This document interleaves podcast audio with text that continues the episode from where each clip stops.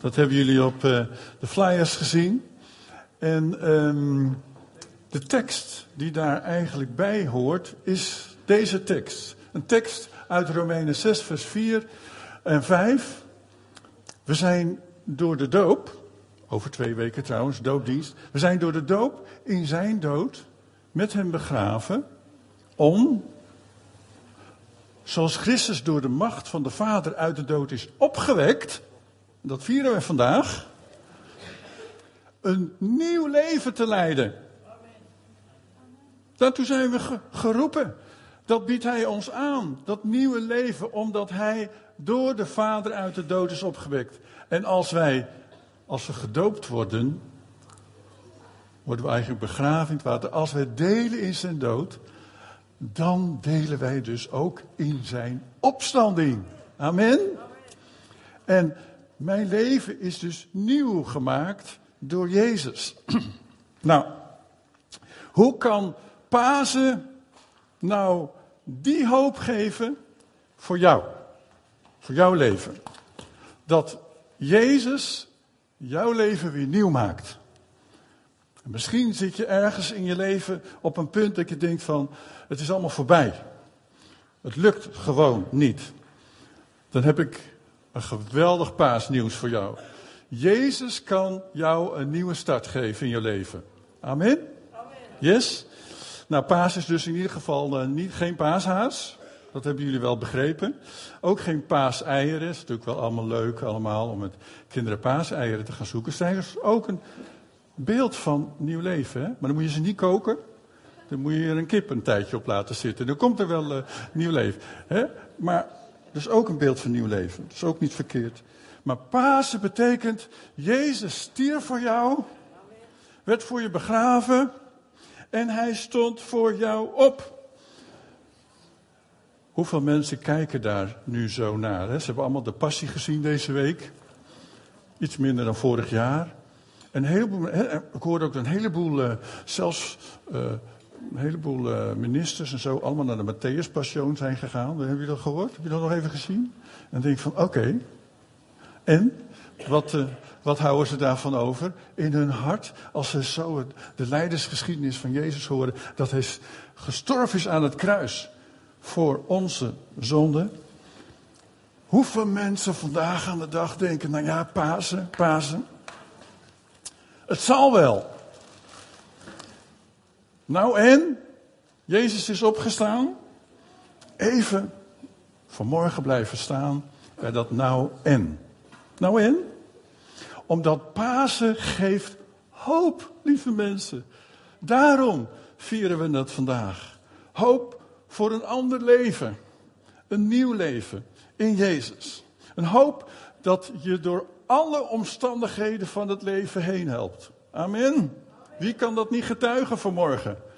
De hoop van de opstanding van Jezus helpt ons door alle omstandigheden van het leven heen. Zelfs door de dood. Ja, want die hoop die we hebben gekregen door de opstanding van Jezus is een garantiebewijs dat er voor ons een leven na de dood is. In Hem. Amen. Is dat niet fantastisch? Ik heb een garantiebewijs op zak voor eeuwig leven. Doordat Jezus is opgestaan. Amen. Nou, dus nog heel kort. Drie, drie dingen die ik nog even wil benadrukken waarom die hoop zo geweldig is.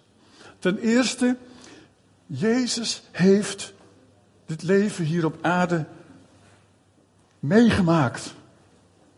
Heeft het meegemaakt. De Bijbel zegt, Jezus kan met onze zwakheden meevoelen.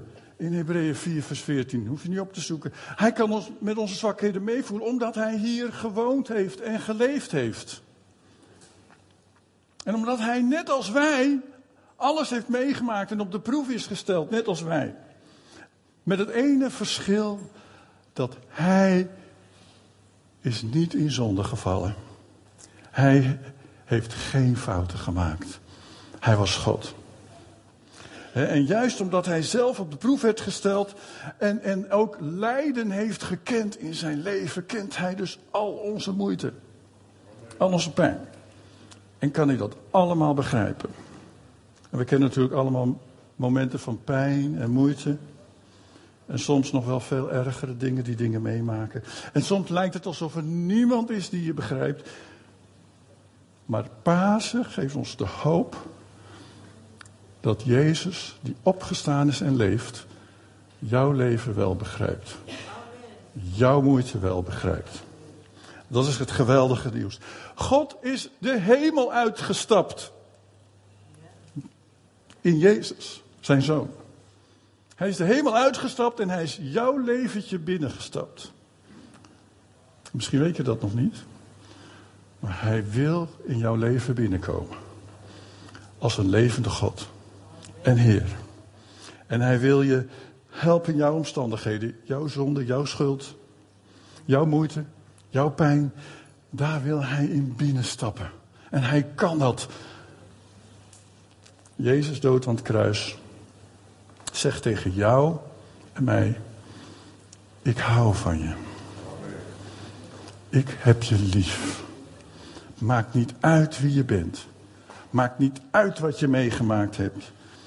De Bijbel zegt in Romeinen 5 vers 8, maar God bewees zijn, ons zijn liefde doordat Christus voor ons gestorven is toen wij nog zondaren waren.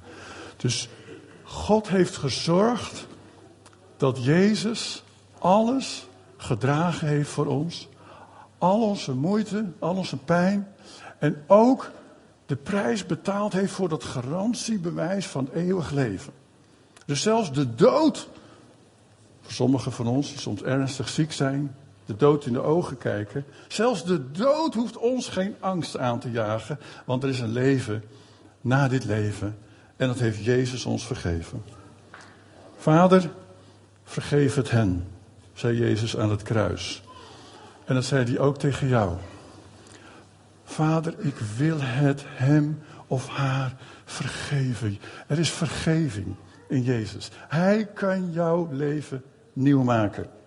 Wel, we hebben dus net gelezen wat de doop betekent. Waarom laten mensen zich over twee weken weer dopen? Eigenlijk willen ze dat gebroken menselijke leven begraven. Zeg van, in Jezus mag ik nieuw worden, dan moet ik het oude ook achterlaten. En dat gaan ze begraven. En, en door die doop laten ze zien dat ze bij Jezus horen, zegt de Bijbel in gewone taal. En door onze doop zijn we eigenlijk met hem gestorven, alsof wij met hem gestorven zijn en begraven. En zijn wij nieuwe mensen geworden. Oeh, halleluja. Wie weet dat hij een nieuw mens is in Jezus? Als je dat nog niet weet, mag je dat vanmorgen zeker weten. Want Christus, Jezus Christus leeft. En onze machtige Vader heeft hem laten opstaan uit de dood. En hij geeft ons de kracht als zijn kinderen om te kiezen voor de goede dingen in het leven. Amen. Om, om de goede keuzes te maken. En om nee te zeggen tegen de slechte dingen die in je gedachten en in je hart en om je heen op je afkomen. Als God bij machten is om Jezus uit de dood op te wekken, dan is hij ook bij machten om jou te veranderen. Echt waar. Zelfs mij heeft hij veranderd. Halleluja en om een nieuw leven te geven aan je. Wel, als laatste. Sommige mensen zeggen van nou en, die opstanding? Ik geloof het wel. Het is maar een verhaaltje. Weet je, de Bijbel toont aan dat er ongeveer 500 ooggetuigen waren. Niet alleen de vrouwen, niet alleen de discipelen, maar ook alle mensen daar nog omheen. 500 ooggetuigen zijn er geweest. Dus opgeschreven. Wel, als een ooggetuige, vandaag heeft een ooggetuige heel veel macht in de rechtplank. Stel je voor dat we al die 500 ooggetuigen 15 minuten vandaag zouden geven om te vertellen wat ze gezien hadden toen Jezus leefde, uit de dood was opgestaan. Alle 500, 15 minuten. Hoe lang zouden we dan bezig zijn? Vandaag in ieder geval en vanavond, vannacht ook nog, dan gaan we niet naar huis. En dan luisteren we de een naar de ander. En morgen zijn we dan ook nog bezig om ooggetuigen te horen. En dinsdag ook. En de nachten ook. En woensdag ook nog. En donderdag zelfs ook nog. Tot en met vrijdag zouden we hier zitten. Om al die ooggetuigen te horen. Om hun verslag te geven over Jezus die opgestaan is. Nou, daar kan geen enkele kritische onderzoeksjournalist tegenop. Echt niet. Als hier in Nederland al één ooggetuige zoveel waarde heeft, wat dacht je van 500? Jezus is werkelijk opgestaan. En hij heeft, en hij maakt nog steeds, en hij heeft levens nieuw gemaakt. En hij wil dat ook bij jou doen. Er zijn drie jongeren naar een weekend geweest. En die vraag ik om naar voren te komen. Ik heb begrepen dat deze jongeren het zijn, maar dan Soraya en Emmy. Dit is niet ingestudeerd. Dit is dus heel spontaan. En uh, Jezus maakt dingen die nieuw. Misschien kan Soraya en Emmy ook alvast komen. Ah, daar komen. Jezus maakt levens nieuw. Wat heeft hij voor jou gedaan? Waar dan? Veel. ja, uh, nou, een van de